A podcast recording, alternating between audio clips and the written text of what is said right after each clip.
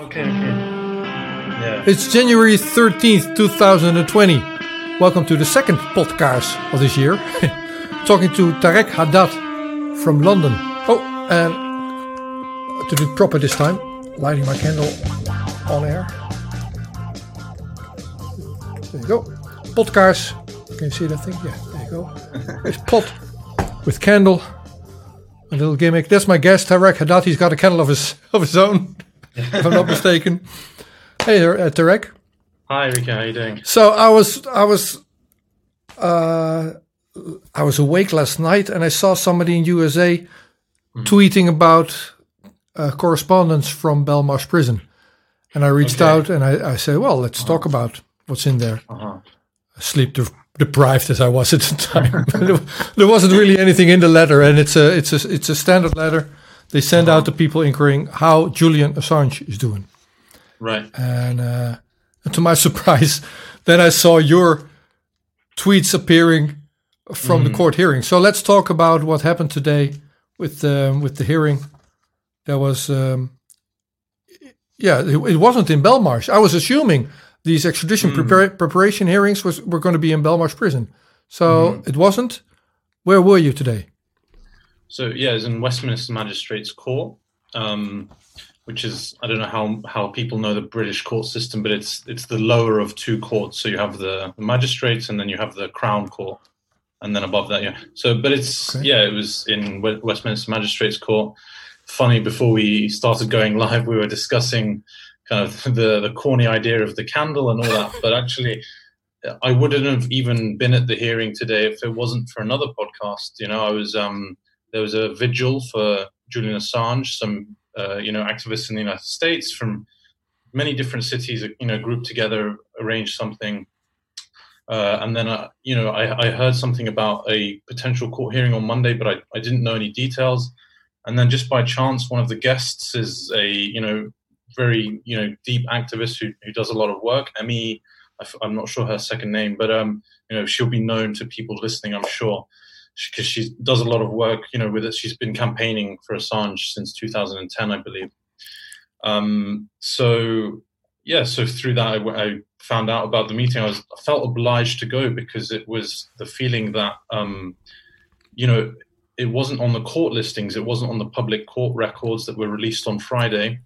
It was only you know, an activist, I believe, happened to find out that the court hearing had been moved to today. So it was supposed to be on Tuesday. Yeah, they themselves, the people directly involved, were weren't aware that it was going to be today. Uh, was that Nils Melzer? Somebody said "We- we lost preparation time, so we even had less time to prepare between Assange and his lawyers. Yeah, so um, that was, I mean, that's scandalous in itself, almost. You know, Yeah, we could finish, we could finish the podcast here, but unfortunately, it's just one of many, many things, isn't it?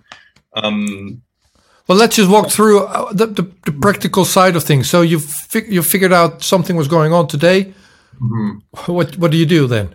I mean, you're I in mean- London, so it is in London. yeah, I felt like I had to go report. Um, one thing that is maybe not so common nowadays is, you know, in, in the courts in the United Kingdom, you can't have any recording equipment.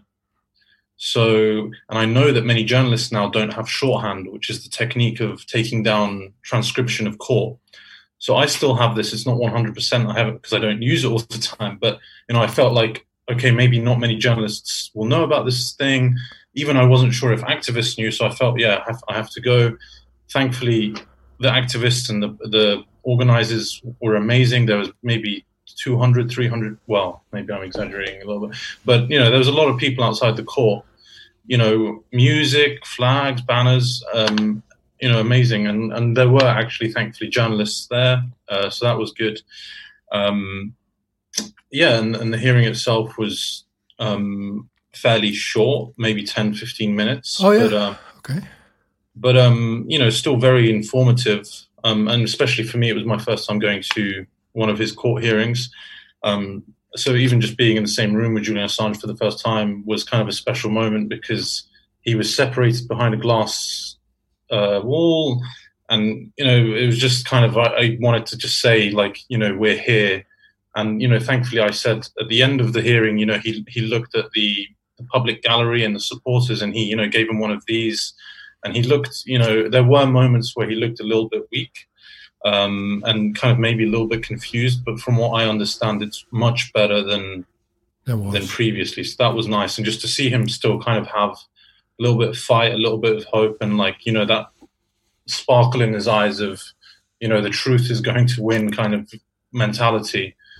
Um, so, so that, but there was also obviously the, the the negatives of the courtroom. Yeah. Yeah. So what happens in that in that 15 minutes then? What what did they do? Did they do anything at all? so I believe I don't actually know specifically what the type of hearing it was. It wasn't a case management, but I believe it was brought because um, the lawyers, Gareth Peirce especially, um, had been well had been concerned or had not been given sufficient access to Julian Assange. So um, you know they they said since the last hearing, which I don't know the specific date, they've only had two hours together. And yeah. if you you know to put this into perspective, this is the biggest court case and the amounts of documents related are enormous. You know, just the charge itself is, I think, 45 pages. You know, just just the charges, and that's without any evidence, without anything. Um, so just to have two hours is is insane. Um, so, and you know, I've I've heard from other courts uh, reports that this judge has been not very helpful to the lawyers in the past concerning this. Um, today, I, have heard, you know, she was still pretty not helpful, but it, it, was apparently the most helpful that she's been in the past. So Gareth Peirce, the lawyer, complained about the, the amount of access that she she'd been getting, um, and essentially pushed to try and get more time. So what happened today was we had the first hearing in the morning, and then they kind of cut the session short and so it was to allow actually Gareth Peirce to talk to Julian Assange in Belmarsh prison for only one hour. That was all they were given. And then it, the case would be continued in the afternoon for the judge to move it to the adjourn it to January, end of January 23rd. Yeah. All right. Still, uh, the question was did, did, did any I know it's it's all um, pre preparation that that's taking place, but mm -hmm. what's the actual outcome other than complaining that there was no time to prepare for anything? So, or or was that the intent of the of this session? I don't. Well, it's it's not very clear what the actual who you know what purpose this meeting came about. I think actually, to be honest, it was uh, I just just my memory just remind uh, jogged. It was because Julian Assange is under remand, I believe. So he's yeah. not actually um, charged with anything. I believe, if that if I have that, my understanding of that correctly. Yeah. So under British law, um, every 28 days you have to go to court to update that. So I believe that was the only real reason. And then it was in in that proceedings that um, the lawyer decides to, you know, bring up those issues. Yeah. So for non, so I looked it up. But how would you uh, uh, explain, in other words, what remand means? So you are pretty much arrested without being charged. Well, you're waiting to to receive to be charged with something. Yeah, you, you're put in jail waiting for something formal to happen. We don't have anything yet, but we're going to stick you in jail anyway. So mm-hmm. uh, if that's the situation, then you're typically you're supposed to treat that person uh, properly and yes. not to the extent of, of inflicting harm, with, which and is being done right now, right? Of course. Also, it's it's worth noting that usually in, in the case when this happens, it's the, the onus is on the the prosecution to show um, why they need to keep the you know the person in remand for longer. It shouldn't be for the lawyers to say, uh, for the defense lawyers to say why they should be released typically it should be when the, your time is up to charge someone. Okay, you've had your opportunity. You need a, a substantial. Obviously, in this in, the, in these proceedings, it's much more complicated because we're not dealing with shop theft. We're dealing with. Um, but that's my understanding of of the situation. Yeah, we don't know why he's being held, um, and why Bill. Well, uh, yeah, fair yeah, enough. Of, of, of course, we know because the yeah. United States wants him on. Uh, espionage charges. Mm-hmm. Um, yeah, then okay, fair enough. No, but the huh, the formal thing would be bail is denied, so that's why you're in. That's why you're in remand, right? So that would be Yeah. another, other way of explaining it. Now on BBC, there was uh, Joe Corey as a spokesperson for uh, for Assange, saying he's not very good, kept in isolation 23 hours a day, kept on tranquilizers. What we're seeing is a series of court appearances that will determine how the extradition is to be handled next month. So what we see here so far is a joke. and basically that's what you say as well. I mean, I don't know why I was there. I saw it happening. Um, there wasn't particularly an outcome. We're just waiting for the real extradition hearing late February. Correct? Yes, um, I think so. But yeah, but I think um, despite that, it still felt like it was important to be there. I think you know. Oh yeah, yeah, I know. all of these supporters, um, and yeah, in terms of in progress for Julian Assange, I don't think. I mean, the fact that the lawyer was more uh, accommod- accommodating was, I guess, progress. Uh, you know, the judge, you mean? Sorry. You mean the judge? Oh, sorry. Yes, Yeah. the judge being more accommodating i- is helpful. Um, you know, it shows signs of progress. I think having all the people there outside the court, and you know, there was there was people that had court cases uh, court cases for something completely different. I, was standing in line to go for, through the security, and this guy's like, "Who's this? Who's this Julian?" Assange?" You know, some people don't even know who he is because that's how badly covered the issue is.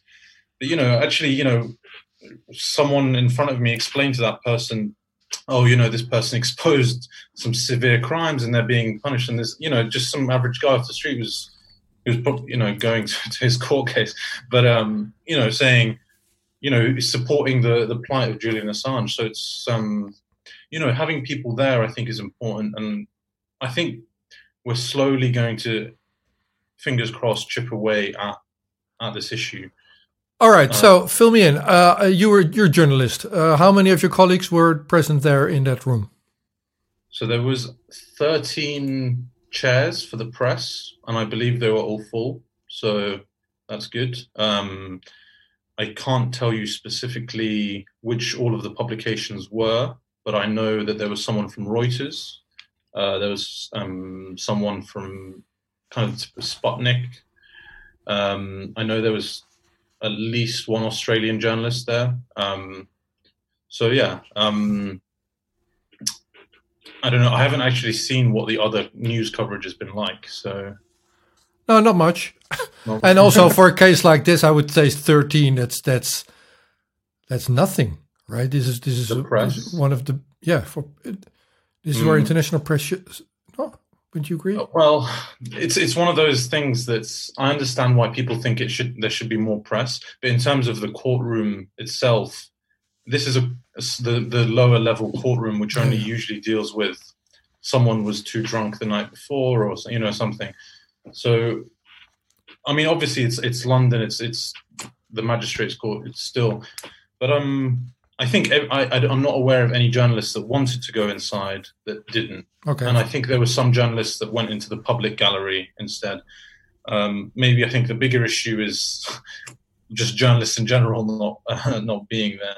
Yeah, yeah. Okay, and then for a, uh, uh, public, so there were people outside. I saw that on live stream. Yeah, um, and the, the public gallery was completely full. Um, not you know, and respectful and, but um, yeah, showed their support. Oh, it's very cool that you were there. So the other things that I noticed was uh, Mr. Nils Melzer, who's a Mhm. special rapporteur on torture for the United Nations, who um, took the occasion maybe and made some serious examples of uh, of people. BBC mentioned evaded justice. They said Assange evaded justice. So that's Really? your state television broadcaster, right? that making that statement. So Melzer of the United Nations made some historical examples of some other people Mhm. th- that were never accused of having evaded justice. Because if you're if you're blowing whistle or if you're dissident from China or any of the other countries, so he mentioned Gestapo, USSR, China, Uganda, Kabul, and Afghanistan. No, nowhere were were those people blamed for uh, evading justice. Whereas Assange now being sought as a spy, all of a sudden is evading justice. So that goes to show the Well, it's the the Orwellian doublespeak we see in go. everything now. Yeah. Yeah. But um, all right. Yeah. Yeah, what can we do? So it's cool that you were there. So n- so next hearing is in a month then, Yeah. Um, twenty four days or what? Of course, yeah. I think um, you know people like you will be coming. I, the the podcasts that I spoke to in America, they're planning to come. Um, I'm aware of other big name journalists that will be coming. I'm sure this will receive plenty of coverage um, at the time of the of the hearing. Um, and I think you know the one area that we have to have hope is we have to have hope in the in the court system. You know. Um, I guess freedom of speech has always been something that's very directly linked to the courts, and it's where the courts have always been the protector of freedom of speech in the long run. You know, um, so I think we have to keep just making the argument from a freedom of speech perspective as accurately and as you know as sophisticated as possible, because you know, I don't think we should take the attitude that, for example, the, the, the judges that, okay, maybe in, in the United States, if he goes to um, Virginia, okay, maybe, and the, the, the court that he has there will be a rigged court, essentially. And I've, you know, I've heard Snowden talk about this in terms of because it's a superseding indictment, you can't have, you know, a public opinion defense or you, you can't have a jury. But um, I think while we're in, in this phase of the hearing, I think um, you know we are going through a normal British court um, system. Uh, today, Gareth Peirce did mention, you know, she might threaten um, to. You know, I don't, I don't know the specific process. It's something I have to look into, but uh, something called a judicial review. So it would mean that people will have to investigate how um, the court system has been operating, and you know that could be potentially embarrassing for the government if it if it takes place. And I think we have to assume that the people that work in the courts of the United Kingdom do take their job seriously. I'm sure that you know there will be high profile judges that will want to protect the integrity of the court system. You know, they're not going to want to see, you know, they people are smart enough to understand that if you mess with the rules of the court system here, it's going to have an onward effect in the, in the law system. Okay, there's two things, if, if I may, 2 things that you mentioned in there. So one was uh, the word government might be embarrassed. So, but but but the court system is like independent from government. Is It there? should be. Yeah. Well, yeah. Well, it, that's the way it's set up. I, I'm, I'm assuming it's the same way set up in the same way in the United Kingdom. So, but has any anybody in in, in your parliament is, is, is are they showing involvement here or are they keeping a distance? That's actually a very good point. I, I haven't heard anybody speak about this. Um, so actually, I'm, I'm going to make a note of that and to maybe follow up. Um, because this is the other thing is that we, we sometimes as journalists, we say, oh, so and so hasn't made a comment, but actually no one's gone to that person and said, hey, what do you think about this? So um, yeah, I'm gonna I'll follow up with that. Um, for sure. Um, I will contact some politicians and Yeah. say, Take Wow. some, Yeah. if I may, take some Nils Melzer quotes. Special Rapporteur on torture, torture for the United Nations. He's been going on and on about this for the last, at least the last half year, making very good, good examples of what what the Mhm. ju- judicial system in the United Kingdom is doing wrong. And also, the other question that I had is, um, yeah, you have to have faith in something. So you have to have faith in the ju- judicial s- system, also in the United Kingdom. However, uh, Stefania Maurizi of Repubblica in Italy, Mhm. who's done many FOIA, Freedom of Information Act requests to United States, to United Kingdom, to Australia, she's come to the conclusion she's she's found evidence that the Crown Prosecution Service has deleted evidence in the course of this proceedings with oh, Assange. yes, you're right. So yeah, well, that's not the judges; that's the Crown Prosecution Service, or is that the same thing? I Well, the well, the Crown Prosecution Service is is not the same as as the judges. it's the pro- prosecutor, right? So It's the prosecutors, and they will they are uh, extension of the government. Um, yeah. But the problem, I mean, they do have a very close relationship with the judges, but and then, but so too do the defense lawyers, but maybe not to the same extent. But um, yes, I mean, there's, there's, there's I think with the, with this case of Julian Assange, or even in the, just the West in general, we can talk about so many. Um, I mean, just sticking with Julian Assange, we could we could mention 10, 15, 20 different you know miscarriages of justice in the whole thing you know this is this is just one one piece unfortunately of a of a much bigger picture. And i think the bigger picture is that um, yeah unfortunately freedom of speech is dying and you know we're becoming more authoritarian. But i think hopefully that there's more and more people waking up about it now um, to the point that it's you know, it's the, people start getting angry about this and start not accepting it. I think. okay. I think that's the only hope, really. How about we break here and see if we can connect uh, Miss Angel Fox from the United States in, and then continue this conversation in a moment. Yes, we came, we saw, he died.